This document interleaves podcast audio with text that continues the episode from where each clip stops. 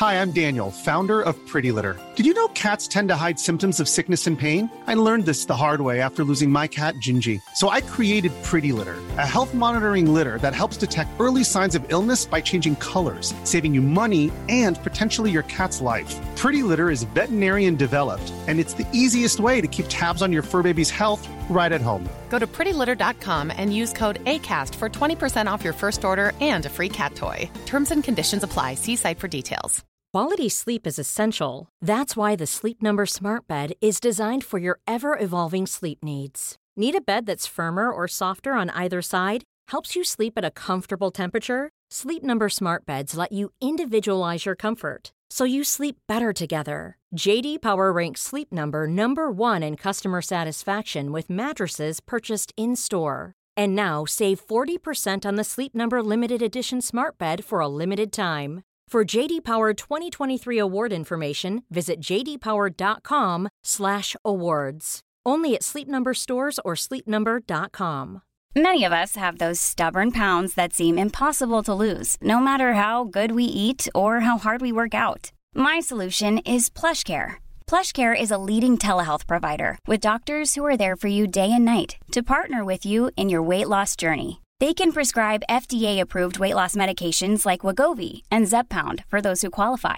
Plus, they accept most insurance plans. To get started, visit plushcare.com slash weight loss. That's plushcare.com slash weight loss. Hej och hjärtligt välkomna till Det här är min podcast. Mitt namn är Niklas Löfgren och det här är min podcast. Poddvärldens svar på maneter. Den finns där. Ehm, den här veckan så kan ni se mig göra stand-up den 15 februari på Stockholm Comedy Club. Headliner den kvällen är Therese Sandin. Hon har varit förkomiker åt Johan Glans under hans turné The World Tour of the World. Uh, och de biljetterna kan du köpa på stockholmcomedyclub.se. Uh, ehm, och på torsdag, dagen efter, då kommer specialisterna Comedy Club ha premiär i Skanstull. Uh, och där kommer många fantastiska komiker uppträda och jag kommer vara DJ. Eh, så vill ni se mig trycka på play, då kan ni vara där. Eh, och på Twitter kan ni följa mig, där heter jag Niklas understreck Lofgren, Niklas stavar jag med C. Och ni kan jättegärna stötta den här podden på Patreon. där ni går in på patreon.com och söker på Niklas Löfgren eller Det här är min podcast så kan ni ge mig pengar. Och det skulle jag väldigt gärna uppskatta för jag är ett väldigt stort behov av pengar i nuläget. Eh, men mer än så har jag inte att säga. Utan vi sätter igång veckans avsnitt av Det här är min podcast. Mitt namn är Niklas Lövgren och det här är min podcast. Podden är klippt av Filip Lurin. Hjärtligt välkomna.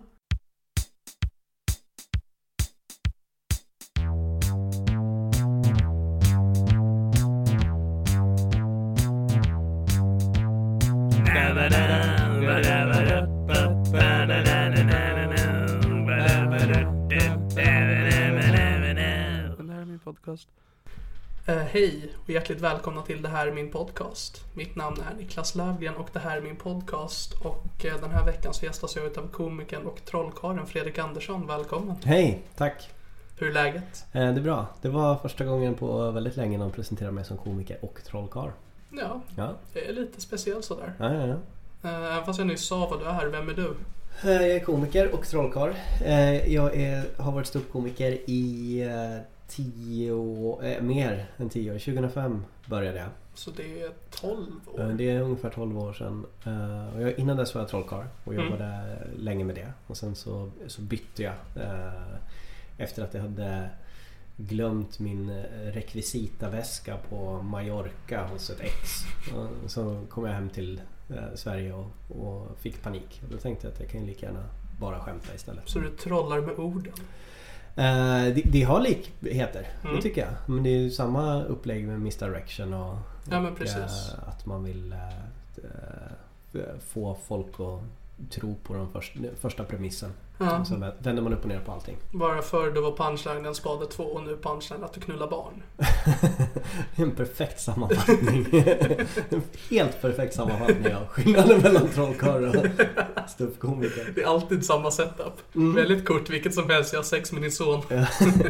Fast grejen är nu när jag gått tillbaks till trolleriet så är det nästan, nu har jag ju tagit med mig det från ståuppen så att jag, Ja. är, ju- jag är ju omöjlig att boka till barnkalas. Eh, Men, eh, Men, eh, eller gått tillbaka har jag inte men jag blandar ju. Ja. Mm.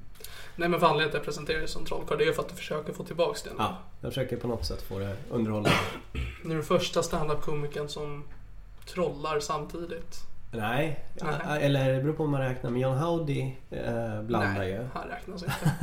Han räknas Han inte. finns inte egentligen. Eh, och sen eh, eh, Carl Tilenius kör ju också eh, Mm. stand-up blandat med trolleri. Så att, Ja. eh, eh, ja, jag tror att Johan Ståhl eh, blandade också lite grann förut. Men det Okej. var helt bara på, på Ja, trolleri. men det är väl också det att ofta när man trollar så använder man så mycket av humor också. Eh, ja, det är väldigt många trollkarlar som, som använder trolleriet som stödhjul för att egentligen skämta. Mm. Eh, fast, med, fast med rekvisita. Och det Mm. gjorde jag. Och då kom jag väl på mig själv efter ett tag och, och eh, släppte rekvisita. Men skrev du vad du skulle säga då när du, alltså när du hade trollerishower? Att du skrev vad det var du skulle säga också? Eller var det bara Jag försökte men eh, det blev ju aldrig bra. Mm. Ingen, tyckte att, ingen tyckte ju om skämten. Ja men trolleri är ju någonting som alla gillar. Ja. Eller alla åtminstone uppskattar och förstår Mm. vad det är för någonting som händer. Men en dålig komiker som skriver ett skämt, det är bara, man blir bara förvirrad. Ja. Vad, vad, vad det var för någonting. Eller så märks det att man hade försökt det och, och, och var dålig. Och det är väldigt intressant för att du har ju nu efter att ha hållit på i 12 år med stand-up blivit en av Sveriges bästa skämtskrivare. Ja tack, tack, tack. Ja men det är mer utav ett faktum. Ja, det är det. Eh, så jag menar det är väl inte bara på grund av träning, du måste väl ha någon slags talang? Ja, ehm, det tror jag. Jag tror att det är... Alltså, förr så trodde jag nog så här att bara, bara man jobbar med det tillräckligt mycket så blir man bra. Men jag, tr- jag tror att man måste nog ha någon form av eh, begåvning för för eh, grundbegåvning för humor. För, Ja. Eller för, för den oväntade vändningen på något Mm. sätt. Det, det tycker jag märks ganska eh, bra vilka det är. Men ja, sen finns det ju faktiskt också komiker som det går bra för som, som jag inte tycker har den begåvningen men som är väldigt sympatiska eller som har andra Ja, men också som har engagemanget. som har engagemang och, och, eh, och en likability som gör att man vill höra personen prata och det Ja. ställer lägre krav på att man, på att man är eh, brutal i vändningen. Och förr så skulle jag nog ha tyckt att det var fusk men nu så tycker jag nog att det bara är en annan, annan ingång på det. Ja. Men vad är det för humor som du själv uppskattar? Ehm, ja, det är nog... ehm, ja, det har också nog ändrats lite grann. För, förr var det ju bara den riktigt oväntade vändningen som Ja. jag tyckte om. Men nu kan jag nog tycka att det är roligt att svepas med av ett resonemang eller en, eh, någonting som man, eh, som, som man gillar hela upplägget på eller Ja. hela personligheten. På. För din standup har ju än så länge bara sett ut att det är konkreta skämt. Ja, det var ju, det, jag började verkligen därifrån. Ja. Men nu så har jag eh, gått mer och mer mot att eh, jag måste nog få publiken att förstå vem jag är Ja. också. Och det var ju någonting som jag tyckte var helt fel förut. Förut tyckte jag ju att... eh, För att det spelar ingen roll vem det är som står där. nej precis. Gillar du, om skämten är bra så måste ni skratta. Ja. Och eh, eh, gillar ni dem inte så, så är det skämten som ska, som ska vara grejen, inte, inte jag själv. Mm. Men eh, jag vet inte. Jag har nog ändrat lite min bild av det. Eh, Så då försökte du sära helt och hållet på dig själv som person och din standup. Uh, ja, nej, men jag såg det som en utmaning Ja. att försöka vara så olikable som möjligt men ha så bra skämt så Ja. att folk bara måste skratta ändå. Och det tycker jag fortfarande är intressant att, att försöka göra. Men, Tycker du att du har lyckats med det? Eh, ja, det tycker jag. Ja. jag tycker, men sen så blev det ju ändå så om man tittar på de skämten som jag säger som är fruktansvärda. Mm. Så skälet till att de fungerar nu är ju inte bara skämtens effektivitet. Ja. Utan det är ju också det att folk kan se in i mina ögon och se att, att det finns en människa som avsändare. Ja. Eh, Men du har hållit på i 12 år med standup. Ja. Men du är inte det mest välkända namnet i Nej. eh, TV-soffan eller liknande. Mm. Mm. Eh, vad beror det på?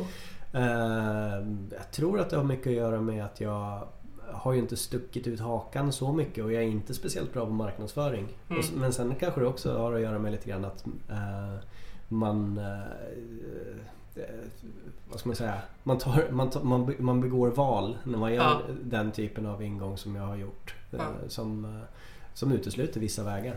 Också. Du har aldrig sökt kändisskapet? Eh, jo, det har jag gjort. Men på...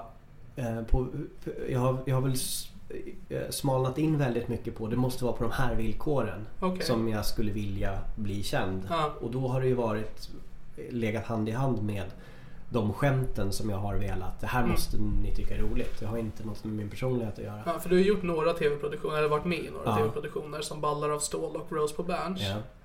Eh, och hur känner du att ha medverkat i det? Var det någonting du ville göra eller? Ja, det var det absolut. Och sen när jag, det var ju en period som jag gjorde mycket, eller som jag gjorde mer än vad jag gör nu. Och sen så flyttade jag till Storbritannien och började om eh, allting. Jag flyttade ju till London för, ja vad blir det nu, sex år sedan, sju år sedan eller något sånt. Ja men precis, och hur länge höll du på där då? Eh, där var jag i tre år. Mm. Och där började jag ju från, från grunden. Ja, ja det blir ju så. Ja, Men har du, kör du där fortfarande ibland? ja. Ja. Så jag åker ju dit. eh, Men jag, eh, jag, jag tänker inte längre att jag skulle vilja bo där. Jag tycker Mm. inte att det är så, så För det trevligt. känns verkligen som att du bara håller på att utmana dig själv så jävla grovt. Att du först går in i stand-upen med att du vill ha den här bilden att det inte är du som ska vara det roliga utan det är dina skämt. Ja, Och sen när du har väl kommit upp dit och flyttar du till London och börjar om på nytt. ja. Gick det in med samma inställning där då? Eh, ja, det gjorde jag. Men det var ju också lite mer tacksamt eh, där eftersom de har ju d- deras stand-up har ju lite fler år på nacken och hade, Ja. hade mognat mer då. Så att då, när jag flyttade dit så var det eh, då var det så brett där så att du kan gå- dit och vara väldigt nischad Mm. och eh, ändå hitta din målgrupp eh, Ja. på något sätt. Och så tyckte jag nog inte att det var i Sverige då. Nu tycker jag att det är så i Sverige. Nu tycker jag att det verkligen är så att man kan man kan ta ut sin riktning och sen Mm. kan man hitta de fansen som gillar den riktningen. Mm. Men just då i Sverige så, så, så tror jag att det hade varit mer strategiskt att öppna upp och vara bredare mot, Ja. Mot alla. Men det gick ju väldigt bra för dig i London också. Ja, det gjorde det. Det är väldigt imponerande. Eh, det, det är... eh, det är... eh, En, jag skulle nog inte rekommendera alla att, att, göra det. Eh, och jag vet inte ifall jag skulle, skulle ha gjort den resan en gång till. För det finns ju andra saker som man inte tänker på som är tuffa. Och det är inte Så. nödvändigtvis själva jobbet utan det är ju det att man är ju ganska isolerad från de som man har vux- vuxit upp med. Ja. eh, Om man bor där på, på heltid.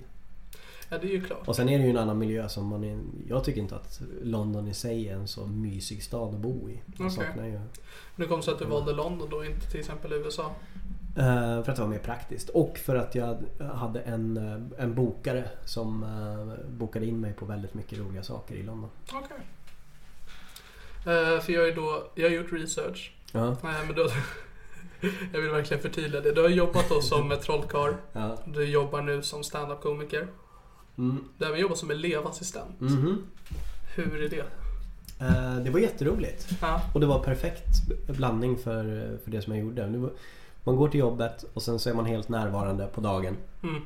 Och försöker göra det bästa man kan. Ja. Och sen så på kvällen så uppträdde jag ju. Så då... Var det Det trolleri var, jag tjänade ju pengar på det och kunde leva eh, liksom. Ja. det gick bra att blanda. Var det trolleri eller stand-up du uppträdde med då? Eh, då var det...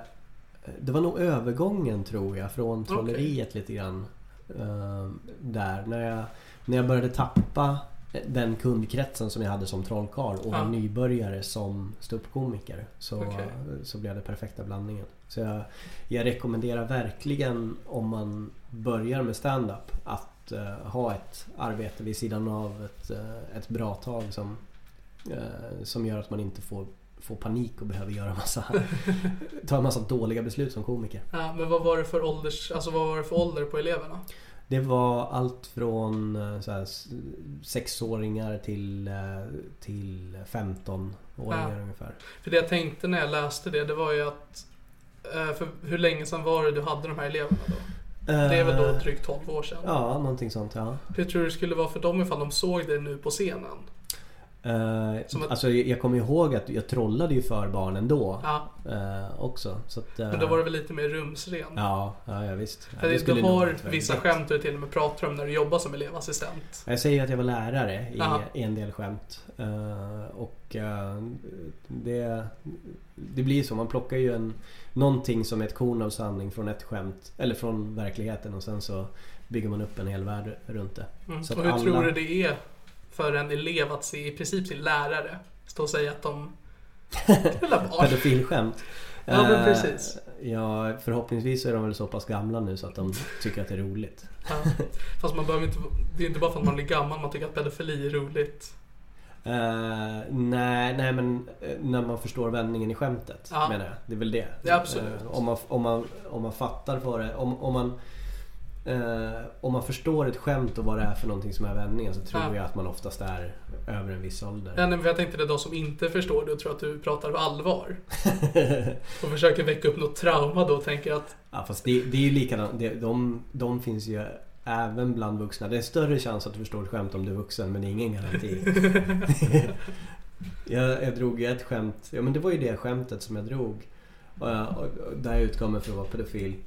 På, i, på en klubb i London. när Jag hade, det, var en, det, var en, eh, det var en lärare som hade tagit med hela sin klass på stand-up comedy för första gången. De hur hade gått, gamla var de? Ja men de var så här gymnasie eller Okej. någonting sånt där. Så de hade fått specialtillstånd att gå in fastän det var Ja. alkoholservering från klubbägaren och sa att ja, ja, ni får komma in men det är på, det är på ditt eget ansvar sa han, sa han till läraren. Och hon, Ja. ja. visst. Och så drog jag det skämtet som, som det första skämtet Okej. eh, den, den kvällen. Och hon, eh, läraren då tog med sig hela klassen och alla gick eh, direkt efteråt.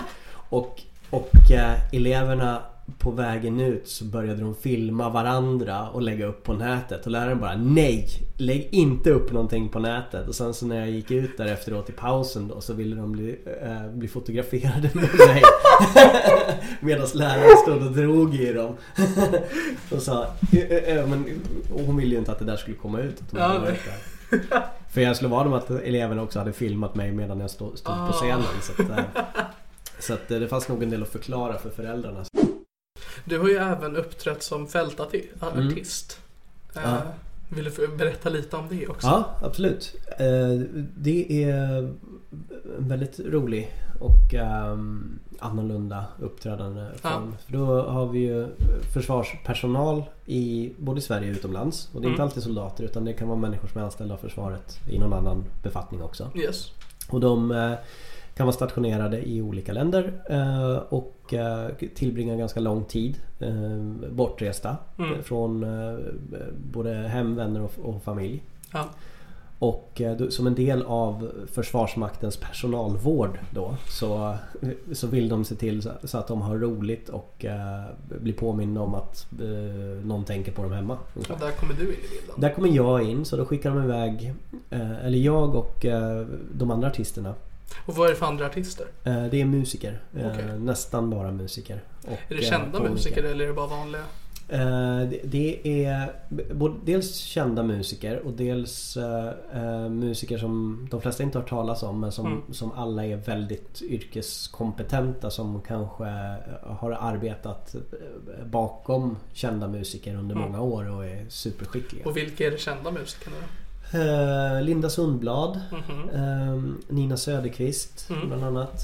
Ehm, det är många som, eh, som är kända som jag inte kommer på namnet Men det är bara så här väldigt mysig musik och liknande. Eh, Nej, inte nödvändigtvis. Det är, en, en stor del av det är ju att man vill ge dem någonting som de uppskattar. Så Mm. man, du kan ju inte göra en väldigt, väldigt smal spelning med, med något uh, undergroundband som ingen har hört talas om. Utan Ja. de, det, eh, det är ju ett rätt så brett anslag. Som, och sen så blir man ju sentimental när man är bortrest från, Mm. från Sverige. Och vill höra de sakerna som man kanske kräks på när man är, när man är hemma. Ja. Så, Och vad är det för skämt du drar då? Ehm, det är ju lite speciellt eftersom ofta när vi uppträder så uppträder vi inte bara för de, den svenska personalen utan även för eh, eh, internationella eh, Mm. styrkor och, och personal. Så att, som vi har varit i Afghanistan så har vi uppträtt för kanske tio nationaliteter som har varit på vår spelning. Och vi ser så att de inte heller varit så bra på engelska. Många av dem är inte alls bra på engelska. Ja. Och därav var ju skälet till att jag började med, tog upp trolleriet igen. För att trolleri är ju till och med ifall du inte talar språket så är det väldigt ofta någonting i det som man kan uppskatta. Och, Ja, och självklart. Så där har blandningen varit mycket trolleri, mycket eh, skämt om dem på plats. Liksom. Ja. Där man, ja men publiksnack och, och, eh, eh, och observationer som jag har gjort under den tiden som jag har, som jag har varit eh, där på plats. Då blir vi väldigt glada. Men så då är det främst bara för att skapa en mysig stämning. Alltså en härlig, inte så mycket Ja, fast det är ju faktiskt det vi gör hela tiden. Tänker jag som komiker. Ja, Även ifall det är så att vi eh, när vi uppträder på små klubbar Ja. så är det ju så är ju fortfarande huvudmålsättningen är att de som har kommit, kommer dit ska ha det riktigt, riktigt bra. Sen kanske man är så smal i sin underhållning så att man drar till sig bara att det, att det är en väldigt nischad del av befolkningen som tycker om det som väljer att gå på det. Men Ja. de som är där vill vi fortfarande ska ha men jätteroligt. sen är skillnaden också att i vanliga sammanhang så brukar man också kanske vilja förmedla någonting med sin humor. Eh, ja, när jag uppträdde i Sverige Ja. så, kan, så är jag ju smal i det att jag kan bestämma mig för att eh, den här sortens skämt vill jag bara göra just nu och jag Mm. vänder mig bara mot dem. Men, när- men när jag åker på de här uppdragen så så måste jag ta fram nästan varje verktyg som jag har i, i verktygslådan Ja. för att eh, kunna göra dem så glada som möjligt. Du ska kunna eh, eh, eh, underhålla en 20-årig skyttesoldat samtidigt som det är något befäl som är, eller för den delen någon som arbetar administrativt med ekonomi Mm. eller någonting sånt som är betydligt äldre som ska tycka att det är lika roligt. Har du någon gång bombat under ett sånt gig? Um, ja, ja, jag har väl gjort gig där jag har sagt någonting olämpligt i, i något sammanhang som har gjort att stämningen har gått ner. Mm. Eh, precis som man gör inom andra, alla andra. Eh, inför all annan publik så finns det alltid någonting. Men allt eftersom man blir bättre så blir man också bättre på att styra upp en sån situation och, Mm. och få det att vända. Eh, så nej, jag kommer nog inte på att jag har... Eh, det, det blir det också. Insatserna blir ju inte lika höga. I Sverige så kan du ju verkligen, om du är en, en av 15 komiker på Big Ben. Så, Ja. så vet du att det inte är ditt ansvar att publiken ska tycka att det är roligt Ja, hela kvällen. Så då kan du säga någonting som får, som får alla att hata dig. Och det är okej. Men det är väldigt konstigt att gå in med den inställningen. Ja fast jag har ju samtidigt när jag började så var det verkligen så att det här skämtet vet jag att det kan, det, det kan potentiellt få dem att vända sig totalt mot mig. Den typen självklart. av insatser i ett Ja, det är ju så jag jobbar också. Ja och den typen av risker tar jag inte Mm. när jag eh, är anlitad för att underhålla så många soldater som möjligt. Ja. Så att eh, det, blir en, det blir en förändring. Men om vi går tillbaka, hur är din syn på Sveriges standup just nu? Alltså vad tycker, alltså har du några själva favoritkomiker och liknande? Nu är, det, nu är det ju jättebra. Nu Ja. är det ju, det blommar ju som det aldrig har gjort Mm. förut. Och det, det spretar ut så många håll. Det, det, just nu spretar det så pass mycket så att det är svårt att ha en total överblick av, över hela Sverige. Ja, verkligen. Nu är det så som, så som jag upplevde London Ja. när, jag, när jag flyttade dit. Att eh, det finns något för alla smaker. Och det är Mm. precis så det ska vara. Det finns jättemånga dåliga och jättemånga roliga. Ja, och vad är din smak? Eh, min smak, det, det är lite tudelat för ibland så är det ju så att jag uppskattar någon som gör ett riktigt bra hantverk. Ja. Eh, som som eh, jag själv inte skulle skratta åt det minsta utan bara, ja men eh, Det är väldigt välgjort och jag uppskattar att personen har gjort jobbet. Så du blir mer fascinerad Ja. än... Och sen så kan jag se någon som är rå talang och som, som eh, inte har någon struktur. Jag älskar ju att säga Thanos Fotas. Det är, ju- Ja. det, är ju, det är ju det roligaste som finns. Eh, och där är det ju tvärtom. Ja. Eh, verkligen att eh, det finns nog något hantverk där någonstans. Självklart, men det syns inte så. Nej, men, eh, men det, är, det är få människor som jag eh, skrattar så mycket åt. Och, det, Ja. och då är det ofta när man bara står och pratar med honom innan han går upp på scenen och han, och han hånar mig. Bli häcklad av Thanos Fotos innan man går upp på scenen är, Det är Eh, bästa. är den bästa uppladdningen. Eh, Men hur ser du på oss rookies då? Alltså Eh. eftersom att det är vi som är de blommande. Ja men det är det som är samma, eh, samma sak där. Att det är, Mm. och, och alla börjar ju mycket tidigare. Så det Ja. går ju mycket snabbare att bli bra med alla uppträdande tillfällen. Ja. Och eh, alla eh, möjliga val och riktningar och, trä- och träning i att bli rolig genom att lyssna på andra människor och på att eh, starta en podcast och, eller, och uppträda jättemycket. Det, ju, Ja. det kommer ju gå fort för dig. Betydligt mycket snabbare än vad det gjorde för, för oss när vi började och det bara fanns eh, två klubbar på scenen Ja. liksom, så, eh, att välja på. Så att det, det går ju rasande fort. Ja, nu, för du har ju varit väldigt hjälpsam mot mig. Speciellt när jag precis började. Ja, vad kul att du... Eh, för jag var ju med i den här Stockholm Comedy Contest. Ja. Eh, och då träffades vi innan och... För vi, du, du såg mitt första gig. ja, just det. Just det, så var det. Jag såg ditt allra första gig. Ja, Och precis. det var ju jättebra på Tack. Big Ben. Jättebra. Eh, men då pratade vi aldrig den kvällen. Nej. Utan det var en annan kväll på Big Ben där jag inte ens uppträdde då du gick fram till mig. Ja, okej. Sa att du hade sett mig. Ja. Och då visade du dig väldigt öppen att jag hjälper dig gärna om du vill det. Ja. Då var det innan då, när jag skulle vara med i den här tävlingen, då träffades vi. Ja. Och du gav mig, egentligen sket vi i tävlingen då, utan du bara gav mig råd Mm. över du har tänkt i din standup. Ja. Eh, och, allt. och det har hjälpt mig fruktansvärt mycket. Ja, vad kul. Eh, och jag liksom har byggt upp en struktur av det. Mm. Och jag har också kunnat förmedla det vidare till andra komiker. Grymt. Eh, och det är jag väldigt tacksam för. Mm. Men undrar jag varför? Eh, alltså, det, när jag började Ja. så... När jag, när jag började eh, och hade gjort något enstaka gig Ja. så, så hamnade jag på samma klubb som Magnus Bettner. Mm. Ja precis. Nej, men vi uppträdde på något och jag, han, eh, han sa efteråt att han tyckte det var väldigt roligt Mm. och eh, då en vecka senare tror jag så ringde jag honom och frågade om jag kunde få lite tips av Ja. honom. Och då tog han sig tid att sätta sig och snacka med mig Mm. i flera timmar. Och Mm. svara på alla frågor som jag hade om stand-up. Och han var otroligt hjälpsam och fortsatte vara det Mm. efter det. Och eh, det är... Det känns som att det är det man ska göra. När, när det är någon som man tycker är rolig. Ja. För eh, det är inte så ofta man... Eh, dels så vet man ju inte när man är någonting bra på spåren. Mm. Eh, om inte någon säger det till en. Eh, ja, absolut. så det... Ja, nej, jag, tyck, jag tycker det... Pay it forward liksom. Ja. När, eh, när det gäller... Eh, när det gäller att se någonting som man vill uppmuntra. Ja. Ehm, för det är väl, jag, oavsett, jag ville bara säga att jag är väldigt tacksam för det. Ja, vad kul. Ja. Eh, Men jag undrar för att hur- Alltså hur kommer det sig att du gör det mot just mig? Jag vet inte ifall du har gjort det, alltså om du hjälper andra komiker också som är i den positionen där jag befinner mig. Jo, det gör jag. Jag hjälper, Ja. ju, jag hjälper dem som, eh, som jag tror att jag kan tillföra någonting till Mm. också. Sen finns det ju de som, som jag tycker är väldigt bra men som jag inte skulle ge någon, något råd eller feedback till för att våran stil är så helt olika. Liksom. Eh, så eh, där, jag, där jag tror att jag kan bidra med någonting och till Sen är också kriteriet att jag tror att det, om jag tror att det kommer att tas väl emot. Om det är någon som man inte tror eh, skulle uppskatta att få feedback överhuvudtaget så, Ja. Så skulle jag inte säga någonting. Men har du några andra rookies då som är ungefär där jag befinner mig som du kanske inte ens tar hand om som du tycker om? Det är många som jag, som jag verkligen tycker om och uppträder och ifall det är någonting som jag kanske är dålig på så, så är det väl kanske att eh, berätta det för, för de personerna. Och har du några namn du, som du nu som du vill droppa så när de hör det så förstår de?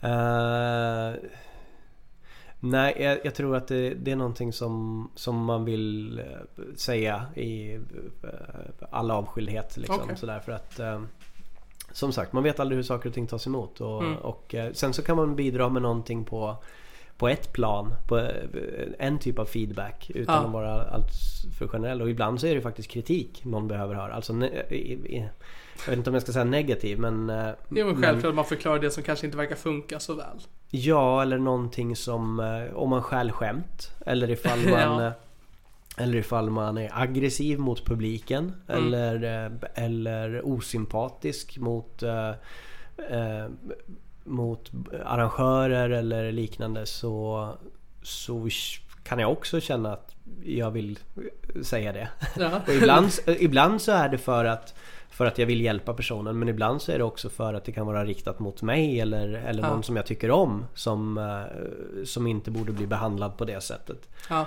Och då, då kommunicerar jag det också. Mm. Hur har du det med skämtstöld? Har du blivit bestulen någon gång?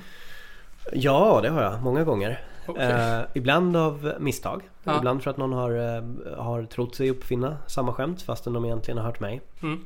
Ibland för att de har trott sig kunna komma undan med det och ehm, ibland eh, på grund av missförstånd eller, eh, Ja. eller, eller på grund av att man tycker att ja, men jag, kan ta, jag kan låta mig inspireras med så här mycket Ja. av det. Och hur ser du på det om någon har stulit från dig medvetet? Ehm, en del av det är att det är smickrande att någon Mm. vill eh, ta skämt. Och det, det har inte skadat mig speciellt mycket men jag tror att det skadar personen mer än, än vad det skadar mig faktiskt. Jaså? Ja, Hur då? Ehm, det beror i och för sig- på hur etablerad personen är. Ifall en, ifall en eh, eh, väldigt känd komiker stjäl ett skämt från mig så kommer ju publiken uppfatta det som att det är den personen som har, Ja. som har uppfunnit det. Och då är det ju såklart jag som lider mer, mer av det. Mm. Men om en mindre etablerad komiker stjäl ett skämt från mig så är risken stor att personen kommer uppfattas det som att eh, det är precis det som har hänt. Ja. Så, och då slår det ju tillbaks. eh, ibland hårdare än vad det borde göra. Ja, ja men det, det är därför jag tar upp det för att det är ju väldigt Väldigt starkt syn på hos oss komiker Ja. Hur just skämtstöld Hur vi reagerar och hur vi Ja. känner för det Men sen är det ju också, det har ju varit tvärtom. Det har ju varit jag som har eh, stulit ett skämt av någon utan att veta om det. Jag vet inte om stu, eh, stöld är rätt ord då. Men, men det, det har ju definitivt hänt att jag har eh, varit inne på ett område eller rent av plagierat ett skämt utan att veta om det. Och Ja. eh, sen har blivit uppmärksammad på det eller, det eller är ibland ju lätt inte uppmärksammad på det. Ja, Och istället att folk har, eh, antar jag, eh, eh, hållit emot mig utan att säga det till mig. mm. och hur känns det? Att ha gjort? Jag tror att en del av det är en del En del av det är oundvikligt. Det, det är oundvikligt att man... Och en del av det...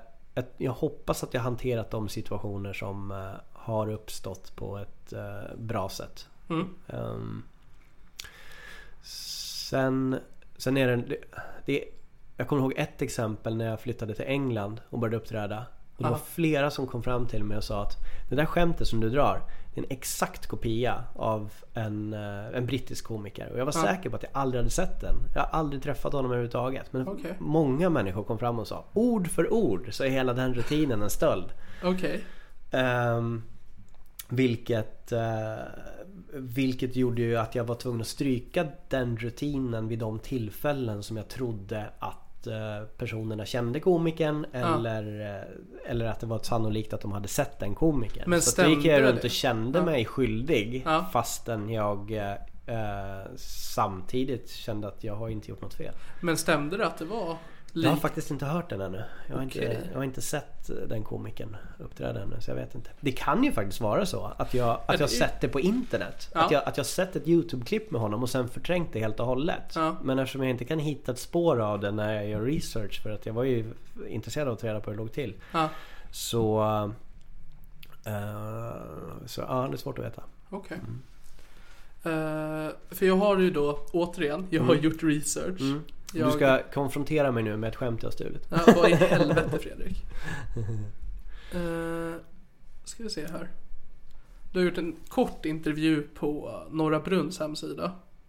Oj, jaha. Det Eh, måste vara länge sedan va? Det, det stod ingen datum från när den kom ut. Gud vad jobbigt att få konfronteras med saker jag sagt för länge Ja, sedan. nej, men så jag kommer ställa, det är korta frågor, jag kommer ställa dem igen och se hur väl de stämmer då. Det är väldigt mycket faktabaserat. Oj, ja.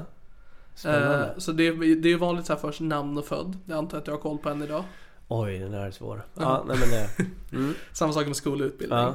Scendebut. Eh, då, ja men det där kommer jag nog ihåg. Det kanske var, nej vänta. Jag tänkte säga någonting på Bolansskolan men nej, jag kommer inte ihåg. Julpjäs kanske. Julpjäs i, i årskurs två. Kan det stämma? Det är en egenproducerad trolleriföreställning för familjen Andersson i julen 2000, nej, 1988. Ja, nej det, det kommer jag nog inte ihåg längre. Det var, det var jättelänge sedan den där Ja. intervjun gjordes. Men Okej. eh, ja, det har, det har glidit ur minnet. Ja. Skulle du kalla det verkligen en scendebut? Nej, det skulle jag nog inte. Men, eh, men ja, det, ja, just det. Nej, men årskurs två då. Uh, julpjäsen där jag spelade var någon sån här leksaksfabrik och jag var en, eh, en tennsoldat som höll i ett gevär. Eh, Det Okej. ligger före det här då så att eh, jag minns bättre nu än vad jag gjorde när jag blev intervjuad i det här sammanhanget. Det är ju väldigt bra. Ja. Eh, men du, du väntar bara, så, så du har skådespelat som ung? Eh, som, som sjuåring, åttaåring då. Eh, men sen så jag gick ju teatergymnasiet. Jag, Gjorde det? Ja, ja. I Bolansskolan i Uppsala. Ja, det står att du gick det här. Ja. Så, ja. Så jag, har ju spelat Hamlet och, och grejer. Och Det- eh, musikal. Jaså? Ja, ja, ja. Vadå för var- musikal? Jag var... Vad heter han? José Vegas i Fame. Okej. Och uh, Kenicki i Grease. Okej. Mhm. Eh, vad hände med det? Eh, ja, men det var, det var väldigt roligt. Ja. Det, det var nog faktiskt första gången då jag verkligen tänkte att ja, men det här med humor på scen, det skulle ju kunna vara rakt av. Ja. För de, de karaktärerna var ju eh, eller så som, så som de blev i de här uppsättningarna så blev det ju comedy sidekick. Så det var ju oftast Ja. det att de andra gjorde seriösa sång och musikinsatser och sen så gick jag in och, och var eh, ja, den roliga. Eh, Men sjöng du då också? jag var, jag var den där dataanimerade killen i Star, eh, Star Wars. Eh, den där jätteroliga. Jar Ja, jag var Jar Jar Binks. Han, han som är så rolig. Ja, jag var Jar Jar Binks i två uppsättningar. Men sjöng du då? Jag försökte i första musikalen, sen så av något skäl så tog de ifrån mig det momentet. Och la det på en annan sångare så Och du har ingen mimade. aning om varför? Nej, det var någon tek- teknisk detalj som jag inte kunde... Det var något med min mikrofon.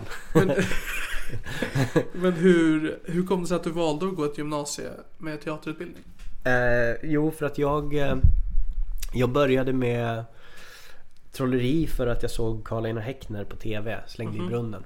Och han fick alla att skratta och var väldigt rolig och sen så eh, började med det där och sen så märkte jag att han egentligen var rolig av andra skäl och han gjorde ju saker som var mer teater också. Och då Ja. tänkte jag att ja, men teater är nog bra att kunna. Nog bra att ha liksom teateregenskaper som trollkarl. Ja, har det hjälpt dig då? Eh, nej, det hjälpte mig på andra sätt. eh, Teatergymnasiet. Det var ju, Hur då? Det, ja, men man blev en i gänget. Liksom. Det var den sociala gemenskapen på, på gymnasiet var Eh, ja, riktigt självklart. bra. Ja men jag för går ju ett teatergymnasium just Ja. nu också så jag vet ju den gemenskapen man känner av där. Ja. Nej, men jag gick först ett år på, på naturvetenskapliga programmet. Samma gymnasium? Eh, nej, i Tierp. Okej. Och eh, det var inte eh, något ställe som jag kände mig hemmahörande när det gällde mina, mitt sätt att tänka. Och så du började tvåan då? Eh, Så då betyder det att jag hoppade av naturvetenskapliga gymnasiet efter första året. Ja. Och sen så började jag första året på teatergymnasiet Okej, så du gick om då? Så jag gick om. Okej. Eh, Så ett, eller jag gick ett år extra. Så du var den där coola killen som var ett år äldre? Yes. Det hjälpte också. Ja det, Det kan var- jag tänka mig. Du blir 18 före de andra. Ja, ja visst.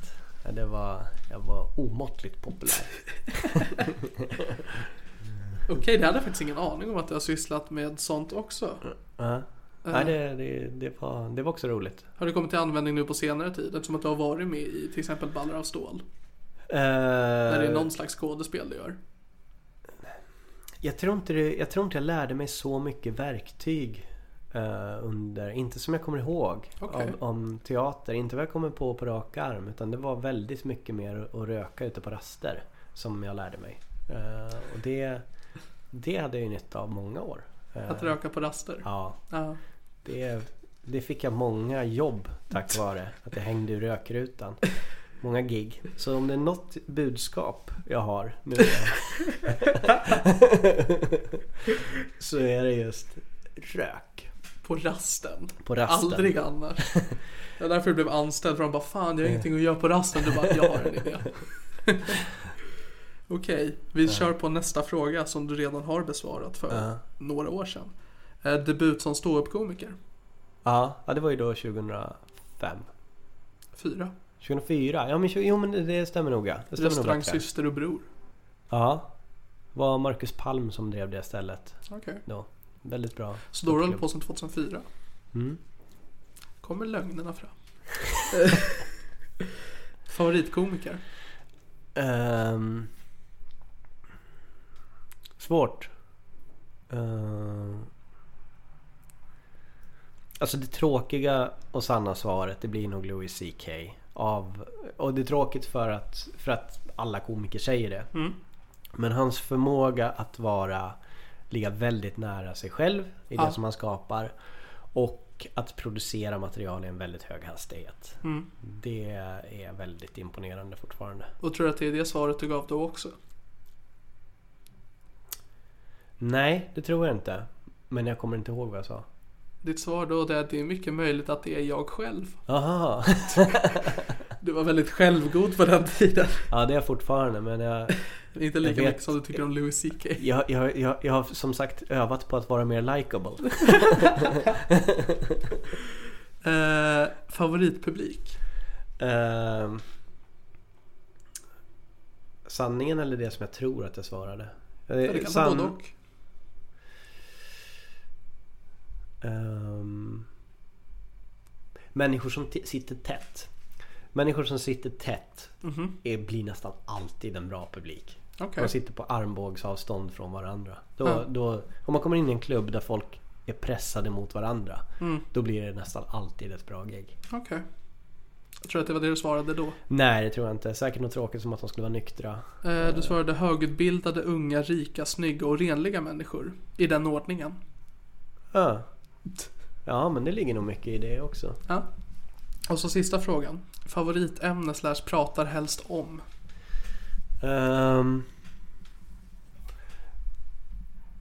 nu är ju sanningen att jag pratar mer om de sakerna som jag, som jag funderar på. Ja. Eh, och på den tiden när jag svarade på det där så pratade jag bara om saker som jag tyckte var troligast att jag skulle kunna göra roliga. Ja. Eh, och gärna... Nej, inte troligast att göra roliga. Nej, det är inte sant. Utan de sakerna som jag, som jag trodde att eh, det här kan det vara svårt att få folk att skratta åt. Ja. Men jag ska lyckas. Eh, och den, den, den aspekten har jag ofta med mig fortfarande. Ja. Men, det, men eh, det är en del av det som jag gör. Så vad tror du att du svarade då? Eh, handikappade? Eh, djur. Djur? Det som är så svårt att få folk att skratta åt. Ja, ja nej, men var, då var det nog... Undrar om det inte var mungo-rutinen som jag hade. Ja, den har inte då. jag hört. Du har inte hört den? Nej. Nej, eh, för den... Jag, jo, jag hade, jag hade en period. Jag hade en, en djurperiod. Jag menar att du säger att det som är väldigt svårt att få folk att skratta åt. Djur är nog... Om man tittar på internet. Ja. Jag, tyck, jag, jag såg själv inte alls det roliga i djur så jag tyckte det var väldigt svårt. Och, jag, jag, jag var mest äcklad. Du har kollat en katt. Intressant. Ja. Eh, jag ville bli trollkarl när jag var liten. ja, du eh, har väl alla en period som alla har gått igenom. Ja, men sen berättade för min, min mamma för mig att eh, jag var på låtsas. Alltså, Då började jag hata, krossade illusioner. då började jag hata Tobbe Trollkarl. Jag började hata henne. Gjorde jag redan innan. Nej men eh, Tobbe Trollkarl för att jag såg honom som en lögnare. Ja. Ja. D- Trollkarl är ju lögnare. Krossade hon fler illusioner? Tomten snabbt liksom? Eh, ja, det, är- allt det där gick väldigt snabbt. Ja. Det andra de aldrig berättade för mig det var hur barn blev till. Ja. Fick jag ta reda Jaha, på nej igår. den, Ja, den, den hemligheten sög de på ett tag. Ja. Sög på. Mm. Ska få reda på på din 18-årsdag. Ja. I ett, litet, I ett litet framträdande som Du får vara med om du vill. en pjäs. Ehm, har du träffat Tobbe Trollkarl? Vi är kompisar. Hur, hur är han? Nej, han är jätte... Han är... Där är En också ett riktig jävla exempel... lögnhals. Nej men det är också ett exempel på någon som är nära sig själv i Ja. sitt uh, artisteri vilket jag tycker är en, ett, ett bra kriterie på ifall man kommer att lyckas eller inte. Om Mm. man går för långt bort från där man faktiskt är så blir man så väldigt begränsad. Ja. Och eh, Tobbe är, är sådär. Uh, spattig och positiv attityd till Ja. omvärlden. Nej men för att Eftersom att jag berättade att jag ville bli trollkarl Mm. först. Då fick jag ett sånt här Tobbe Trollkarl-kit. Så här trolllåda. Eh, Men jag förstod mig inte på någonting. För jag trodde att det bara skulle bli magi. Ja okej. Så allt jag Du gjorde vill var... inte behöva jobba för Nej uppskattningen. fan. Jag ville ju trolla, inte lära mig saker. Så jag tog bara den där trollpinnen och lekte med den. Ja, Så lät det andra ligga. ja. Nej men det går ju inte att trolla med grejer från, från trollerilådor. Det är inte meningen. Det är ju en Jaså? avskräckande grej som vi säljer för att ingen ska lära sig hemligheter. Har du velat göra en egen någon gång? Nej. Men, eller det skulle ju vara roligt. Freddes trollåda. Freddes, Freddes troll, trollelåda. uh, undrar vad den skulle innehålla. Jag har ju ett trick som jag väldigt gärna skulle vilja göra. Eh, Som du inte kan eller? Eh, nej, det, jag måste konstruera en, en apparat som... Eh, eh, där jag teleporterar en mus med hjälp av en stavmixer. Jag kan inte gå in närmare på det men jag... Jag, jag tänker mig att man ska se ett lit, en liten tub som går under bordet. Där man ser en liten... När man. När man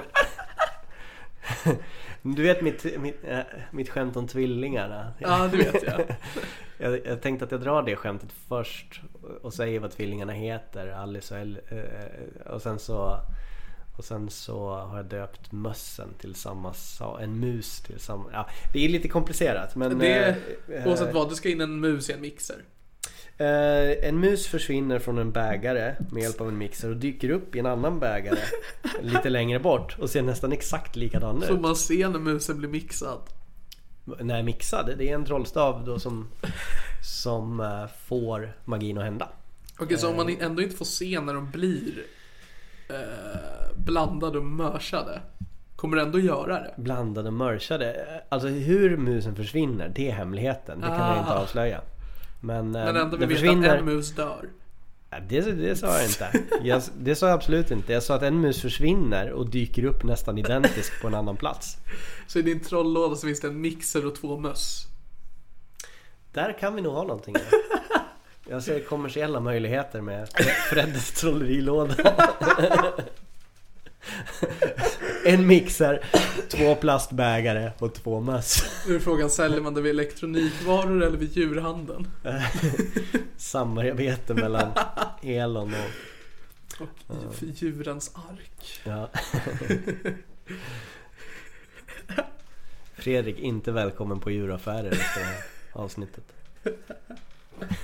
Han köper duvor, han köper en i veckan och det är... Men har du något annat trolleritrick som du önskar att du kunde göra? Alltså hur overkligt den känns att genomföra? Nej, alltså mycket av de trolleritricken som jag gör Ja. på scen Det är ju saker som jag lärde mig när jag var 16 år gammal och försöker komma ihåg hur man gör när man står på scenen. Så jag, har Ja. inga, jag har inga ambitioner att vara en bra trollkarl. Okej. Eh, nej men får man titta på typ den största vi har i Sverige som är Joe Labero. Ja. Det är ju väldigt stora trolleritrick. Ja. Det gör ju inte du. Nej. Nej, Skulle nej. du vilja göra det? Nej, det, det gör jag inte. Alltså trolleriet är ju för mig en... Eh, någonting som jag...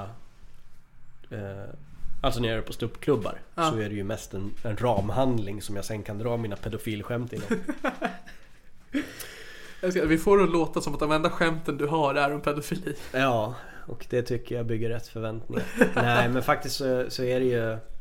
Eh, det, det, jag gjorde mycket sådana skämt förut. Ja. Och eh, jag tycker att det är... Eh, att prata om saker som, som man inte borde skratta åt tycker jag fortfarande är ett bra kriterie på ifall man är duktig på att skriva skämt. Okej. Eh, Eller skapa skämt. Ja. För att eh, då har du satt en ribba. Och då, du måste knuffa folk över den för att de ska uppskatta det. Och antingen klarar du det eller också inte. Om du, om du pratar om någonting som du förväntar dig att publiken kommer att kunna relatera till eller associera eller hålla med dig. Ja. Så, är ju, så, så ställer du lägre krav på att, eh, Ja, självklart. att skämtet är välkonstruerat. Ja. Eh, säger du någonting som, som eh, du får medhålla om då kan du rent av få eh, applåder ut, utan den minsta lilla vändning. Utan ett skämt. I eh, amerikanska manusförfattare kallar det för eh, clapter. Okej. Eh, när, när, eh, när de skriver manus till eh, programledare i talkshows som är, som är politiskt sant men inte speciellt roliga och Ja. publiken applåderar istället för att skratta. Och då, då har de Har åstadkommit Donald Trump? clapter. Han suger. Ja, det är ju det är ett exempel på någonting som är, som är väldigt lätt att få, eh, få medhåll och skratt på. Men inte att få roligt. Nej, inte lätt. Det, svår, det blir svårare och svårare allt eftersom fler humorhjärnor sitter och skriver skämt på Ja. hur dålig Donald Trump är. Så att för att, för att det ska uppfattas som roligt. Så måste man skämta om hur bra han är. Jag tror att det är en, det är en mer intressant utmaning att, att, att påstå att, eh, att man gillar Donald Trump. Från ett humoristiskt perspektiv Ja. så, är det ju, så vore det mycket mer intressantare att se någon som försökte få det att bli roligt. Men du skämtar inte så mycket om dagsaktuella ämnen. Eh, det går i perioder. Ibland Okej. så har jag bara skrivit om dagsaktuella saker och Ja. eh, lagt in det i min standup. Um, men eh, det är inte det som stannar kvar av naturliga skäl i, i akten. Skrev du något skämt om Pokémon Go? Nej, det tror jag faktiskt inte att jag gjorde. Okej. Det, Jag bara undrar. Men jag tycker inte att det vore fel att göra det. Ja. Eh, jag tycker att det... däremot så är det väl... eh, om det är ämnen som man uppenbarligen inte har en åsikt om utan bara pratar om för att det ska vara aktuellt. Då, Ja. då, ja, då, för man får ju mer skratt på aktuella saker än, Ja, självklart. på, än på annat. Jag inte, jag gör aldrig det själv. Nej. Det var när jag uppträdde i Malmö i somras. Ja, eh, Så hade det precis varit Pride där. ja, Och jag var först, eller jag avslutade första halvan. Eh, Och alla komiker hade någonting att säga om Pride, skrivit Ja. skämt. Så jag gick upp och sa att jag kanske först borde börja prata med om att det är Pride. ja. Det är Pride. Just Så gick jag vidare. Ja. Det, är, ju- det är ju helt rätt sätt att hantera det på. Ja. Och då, skämt, då är det ju den aktuella saken som du skämtar ju om att alla skämtar om Pride. Ja. Och det är ju högrelevant också för dig som går på sist. ja, för det är ett problem att jag har en väldigt stor förtjusning i antihumor. Jag tror inte det är ett problem men jag tror att det är någonting som, som eh, är väldigt frestande när man är ny som Ja. komiker. För att man har konsumerat så väldigt mycket humor. Precis. Så att man, eh, eh, det, det blir väldigt naturligt så att man förhåller sig till humor som har gjort för, gjorts förut. Och det, Ja. det gjorde jag de första tre åren. Ja. Sen, så, sen så blir det ämnet uttömt för en. Om man, titt, Självklart. man konsumerar inte lika mycket humor när man har hållit på ett tag. Ja. Oftast. Och då börjar man ju tänka på andra saker och skämta om dem. Eh, Men det är väl också för att det mesta har ju folk skämtat om. Mm. Eh, Så jag tror också det är det som är förtjusning, man skämtar om att folk skämtar om det. Ja, eh, men det riskerar ju också bli en, en klyscha i sig. Ja men Att, eh, precis. Och då, när det har blivit det, då skämtar man om det istället. Ja, nej, men det går runt ett varv och till sist så är det enda som finns kvar är att ta ämnet på allvar och skämta om det. Ja men precis, man får gå cirkeln runt. Ja. Så blir det. Mm. Nej men det är ju som alla de här, uh, först så tröttnar man på att folk skämtade om att SJ är sena. Ja. Sen tröttnar man på att folk skämtar om att folk skämtar om Ja. att SJ är sena och det håller ju på sådär. Så var det ju flygplansmat var ju den när eh, in, innan jag började Ja. så var det det som var metahumorn som alla skämtade om. Att Ja. skämtar om Ja flygplansmat. men man gick upp och vad är grejen med flygplansmat? Ja och då var det roligt att skämta om det. Men eh, som någon påpekade, att gå upp och skämta om flygplansmat nu skulle kunna vara helt relevant och, och publiken skulle inte uppfatta det som att man, eh, som att man gör klyscha. Ja. Och det där tycker jag mig uppleva när jag ser många nya komiker som, som, eh, eh, som skriver saker som, som eh, Ja, de återuppfinner saker som, som, eh, som vi har gått igenom som har hållit på ett tag. Ja, Eh, samma skämtstruktur eller samma skämt. Och det måste vara så. Och dessutom så byts publiken ut så att eh, Mm. Ja, det är relevant för, för den publiken som kollar på det. Så att eh, jag tror att eh, min syn på originalitet har, har ändrats väldigt mycket Mm. med tiden som har gått. Eh, du finns inte på sociala medier. Uh, gör jag inte. Du finns. Det var väldigt tråkigt att höra. De tog bort mig. Eh, Du finns på Twitter. Ja. Men det är ett väldigt inaktivt konto. Ja. Det finns inte alls på Instagram. Nej. Eller Alltså- jag finns nog men jag använder inte det kontot heller. Ja. Och Eh. du har ett, en sida på Facebook. Ja. Men även den kändes väldigt inaktuell. Ja, ja, jag uppdaterar inte sociala medier speciellt mycket. Hur kommer det sig? Ehm, det är, eh, ja men som jag nämnde tidigare, marknadsföring är inte min starkare sida av det som jag gör. Och, Ja. eh, och sen, eh, sen tror jag att det också är så att nu att ni som börjar nu, ni Ja. ser ju yrket ståuppkomiker som involverande att ha en podcast. Ja, I, I någon bemärkelse. det är väl Och, bara att titta på mig. Eh, ja, och ehm, det är någonting eh, som jag ser ju st- ståuppkomiker eh, eller ser det inte som nu utan för jag, jag är medveten om att Ja. eh, du bör ha eh, ett helhetsgrepp om saker och ting. Men, men instinktivt så tänker jag på yrket ståuppkomiker som att bara skapa riktigt bra skämt, gå upp på scenen och säga Ja. de riktigt bra skämten. Så allting annat som, som kommer runt omkring med att eh, ha en offentlig personlighet och sådana saker Ja. eh, så kan jag förstå eh, intellektuellt att det bör man göra. Men, men känslan i det är bara att eh, jag går och test, jag går och kör mina skämt. Och det, Ja. det är någonting som jag vet hur det Jag hur har också jag en stor göra. anledning till att jag, ehm, för jag är inte jätteaktuell på Twitter längre. Jag vet inte riktigt vad jag ska göra där. Men om vi tittar på podden så främst så finns den inte bara, eller inte för att jag ska bli en offentlig människa för en publik. Utan för att jag ska kunna existera för folk som eventuellt vill boka mig eller alltså liknande sånt. Att, Men, men sen är det också ett sätt att forma sin personlighet Ja. i, i att prata och eh, ha olika forum och, pra- Ja. och diskutera i och höra sin röst i, i, i, i mötet med omvärlden. Så jag tror ju absolut att det är en jätte, jättebra grej. ja, Eh, så, så jag är inte ett föredöme. Nej men för du har ju ingen podcast heller. Nope. Och du har inte medverkat i så många. Nej. Det, vi pratade kort om det innan vi satte igång. Ja. Men hur kommer det sig då? Eh, jag tror att jag eh, har letat efter sätt att överföra det som jag gör i stand-up till, till till exempel en podcast. Men jag har Ja. inte hittat den självklara grejen ännu. Det är inte, därmed inte sagt att jag inte kommer att hitta på någonting som jag kommer att känna att ja, men det, här, det här vill jag faktiskt göra och jag tror att en podcast är den bästa formen för det. Ja, Och då ändras saker. så en podcast är inte utesluten. En podcast är inte utesluten och inte en, eh, en, en, en turnerande cirkus heller. Ja.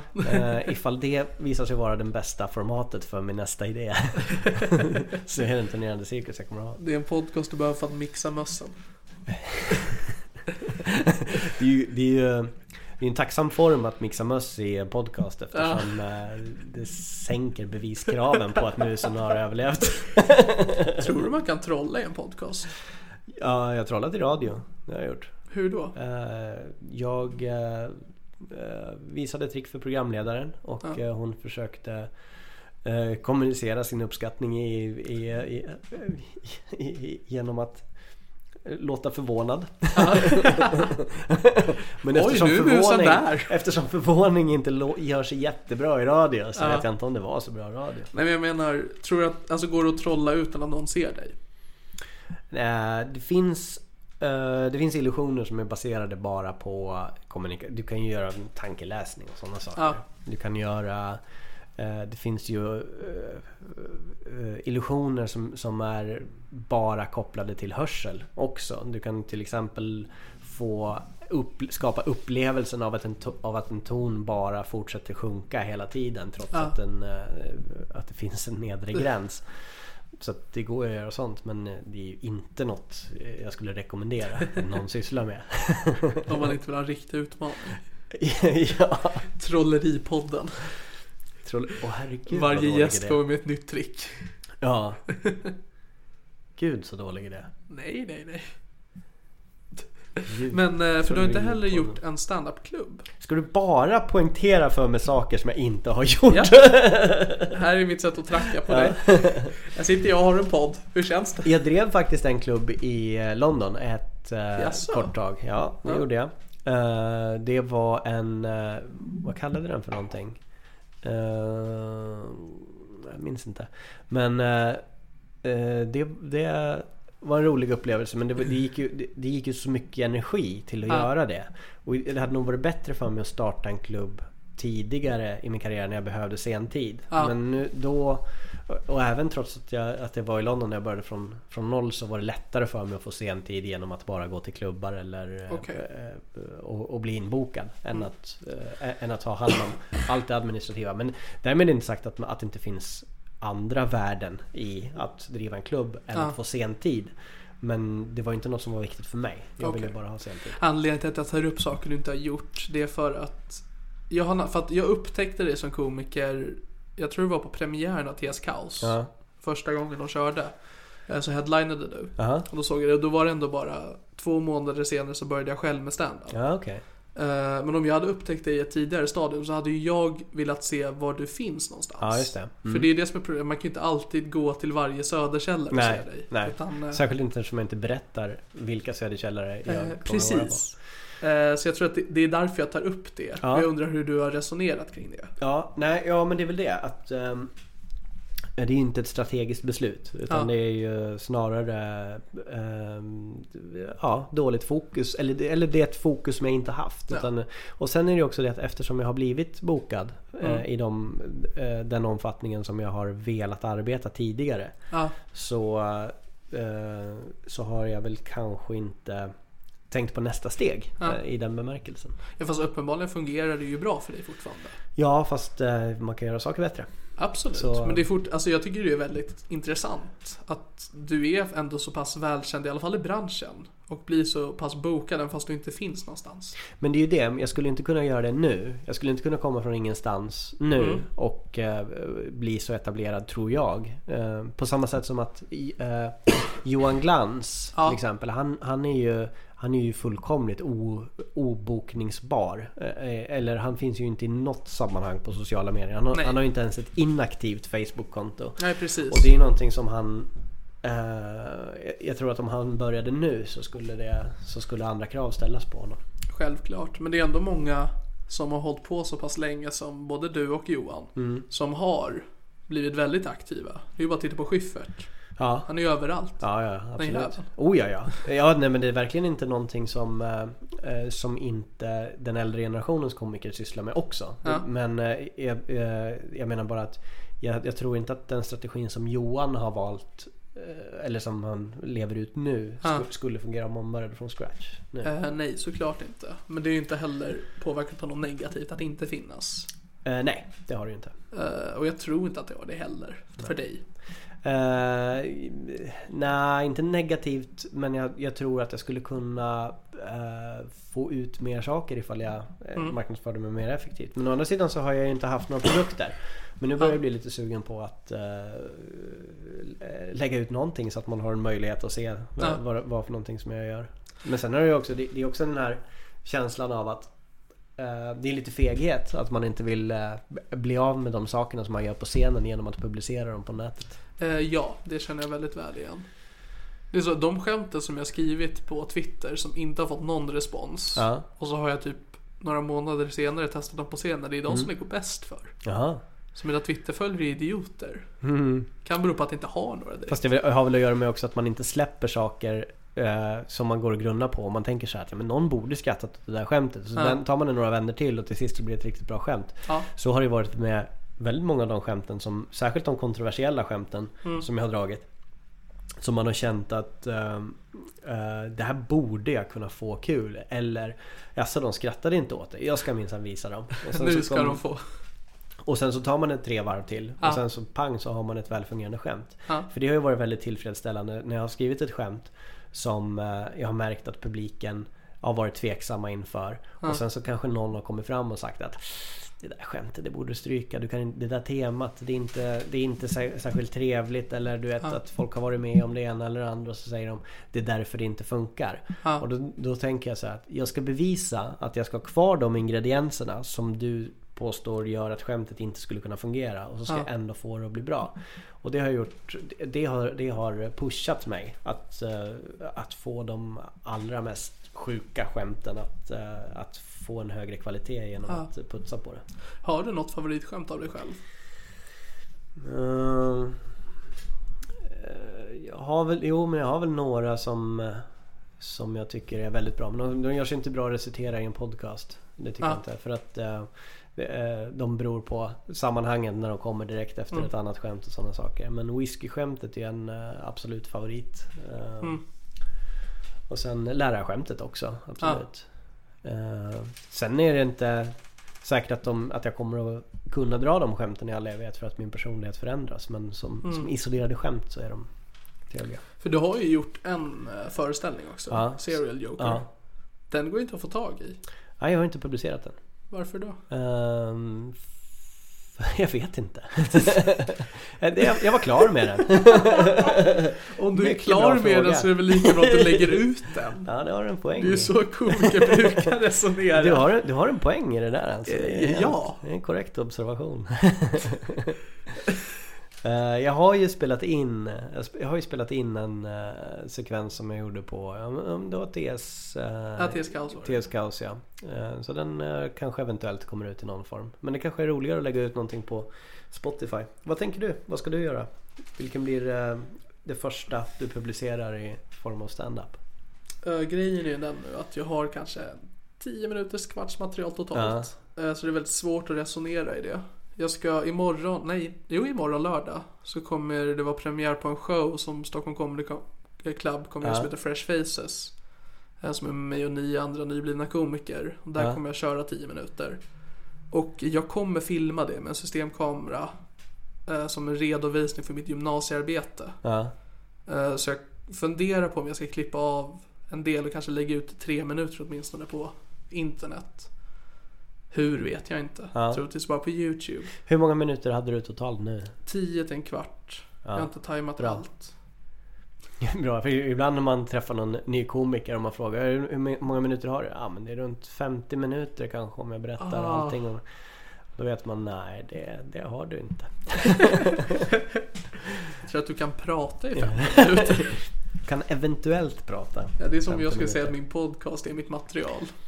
Att jag går upp och quotar en helt avsnitt jag har Ja. gjort som är en timmes långt. Ja.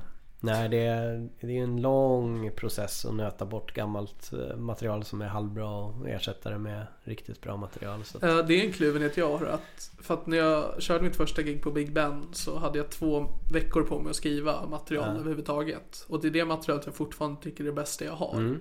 Jag lyckas inte nå upp till det nu när jag verkligen försöker. nej. Eh, Och det stör mig. Ja, men så var det verkligen för mig första tiden också. Den Ja. första, min första fyra minuter eller någonting sånt där som jag gjorde. Ja. Den var så... Eh, det var en hel sommar som jag hade gått och grunnat på den liksom. Okej. Innan, jag, innan jag körde den. Ja, Och den fungerade väldigt, väldigt bra och i sin helhet också. Mm. Och sen när jag skulle fasa ut gamla delar av materialet och ersätta det med nytt. Då, då funkade det inte alls lika bra. Så det tog eh, väldigt lång tid att, att ta nästa steg efter, efter mitt första starka set. Ja, för Ehm. ett av tipsen du gav mig då Mm. i somras var att försöka få ihop den bästa femman. Ja, Eh, Så att det är jobbigt för nästa komiker att gå upp. Mm. Och det är det jag försöker eftersträva.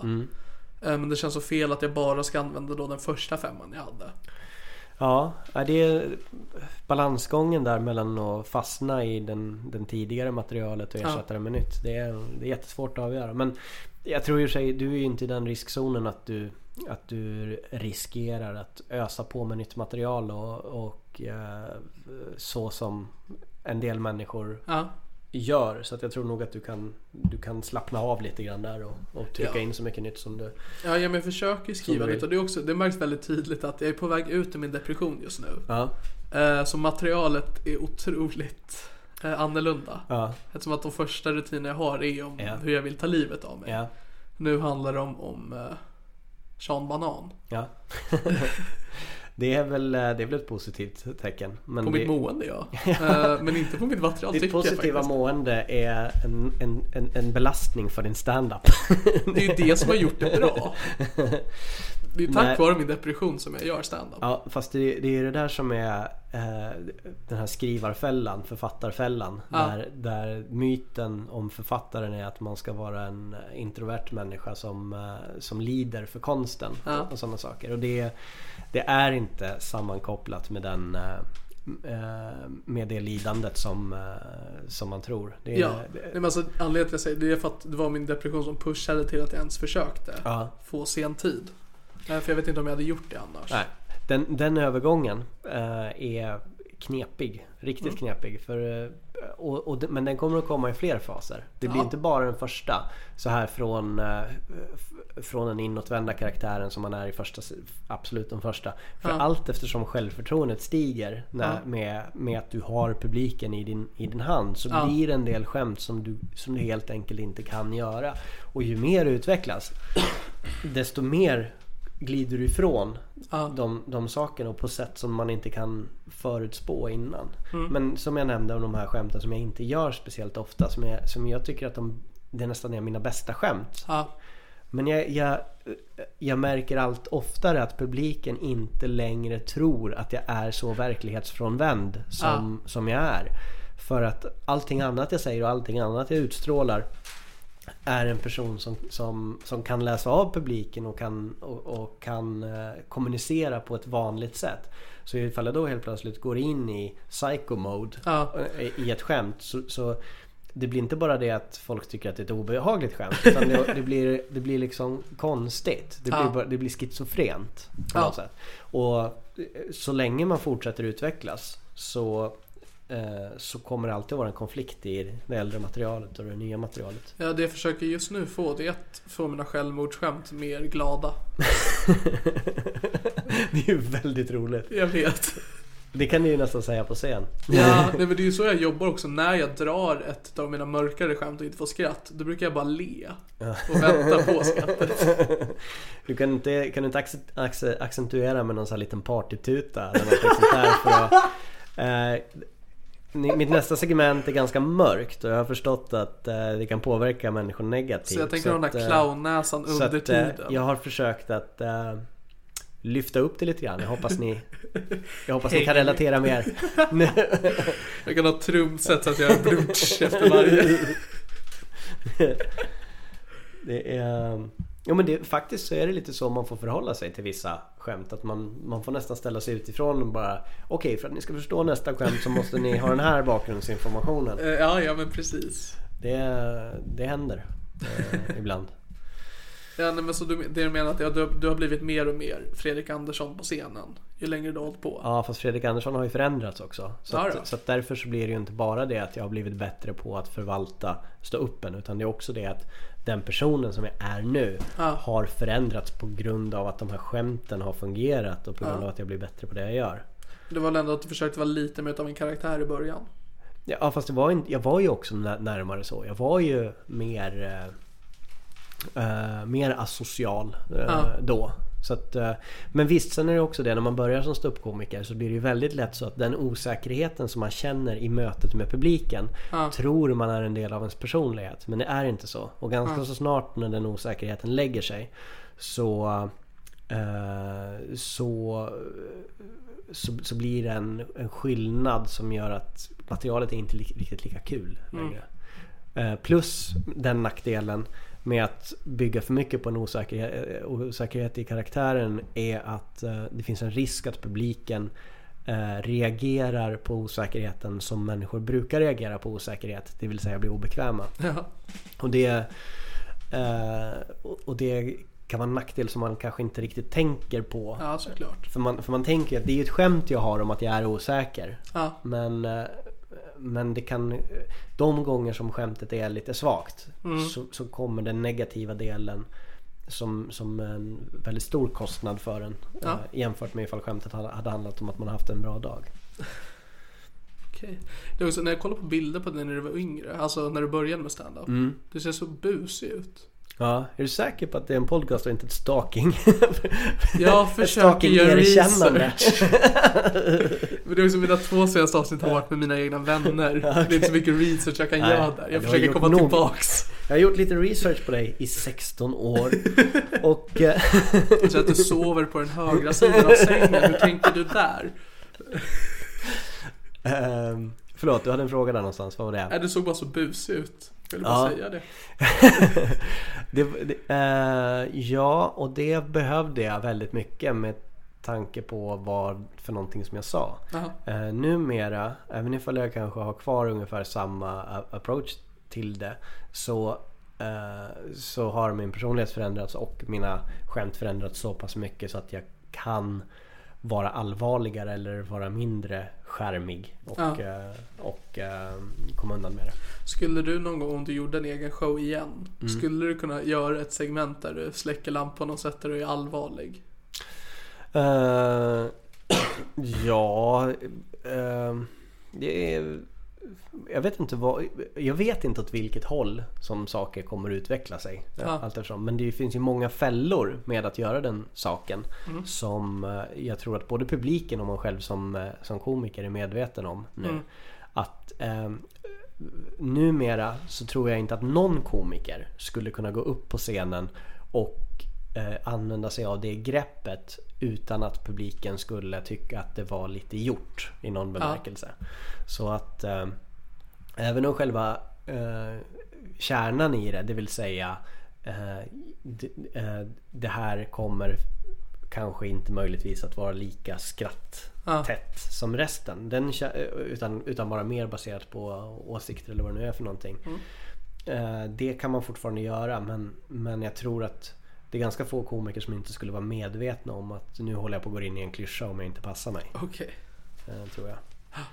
Så det är, väl, det är väl det. Det mesta går att göra om man, om man bara vet att, eh, hur det uppfattas om man gör någonting.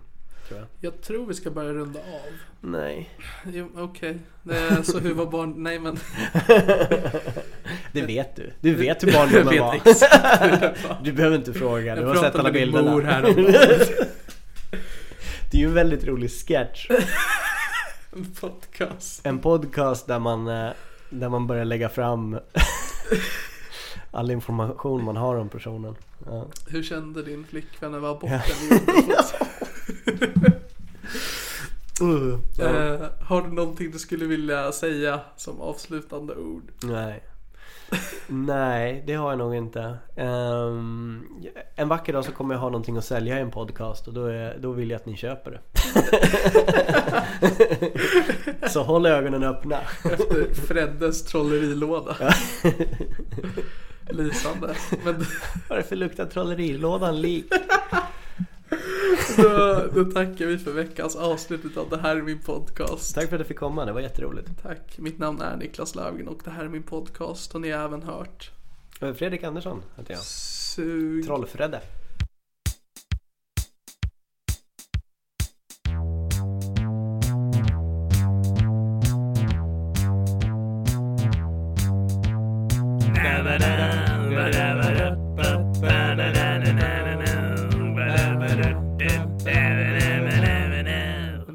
Podcast. Hey, it's Danny Pellegrino from Everything Iconic. Ready to upgrade your style game without blowing your budget? Check out Quince. They've got all the good stuff shirts and polos, activewear, and fine leather goods, all at 50 to 80% less than other high end brands. And the best part? They're all about safe, ethical, and responsible manufacturing. Get that luxury vibe without the luxury price tag. Hit up quince.com slash upgrade for free shipping and 365 day returns on your next order. That's quince.com slash upgrade. Flexibility is great. That's why there's yoga. Flexibility for your insurance coverage is great too. That's why there's United Healthcare Insurance Plans. Underwritten by Golden Rule Insurance Company, United Healthcare Insurance Plans offer flexible, budget friendly coverage for medical, vision, dental, and more. One of these plans may be right for you if you're, say, between jobs, coming off your parents' plan, turning a side hustle into a full hustle, or even missed open enrollment. Want more flexibility? Find out more about United Healthcare Insurance Plans at uh1.com. Mom deserves the best, and there's no better place to shop for Mother's Day than Whole Foods Market. They're your destination for unbeatable savings, from premium gifts to show-stopping flowers and irresistible desserts. Start by saving 33% with Prime on all body care and candles. Then get a 15-stem bunch of tulips for just $9.99 each with Prime. Round out Mom's menu with festive rosé, irresistible berry chantilly cake, and more special treats. Come celebrate Mother's Day at Whole Foods Market.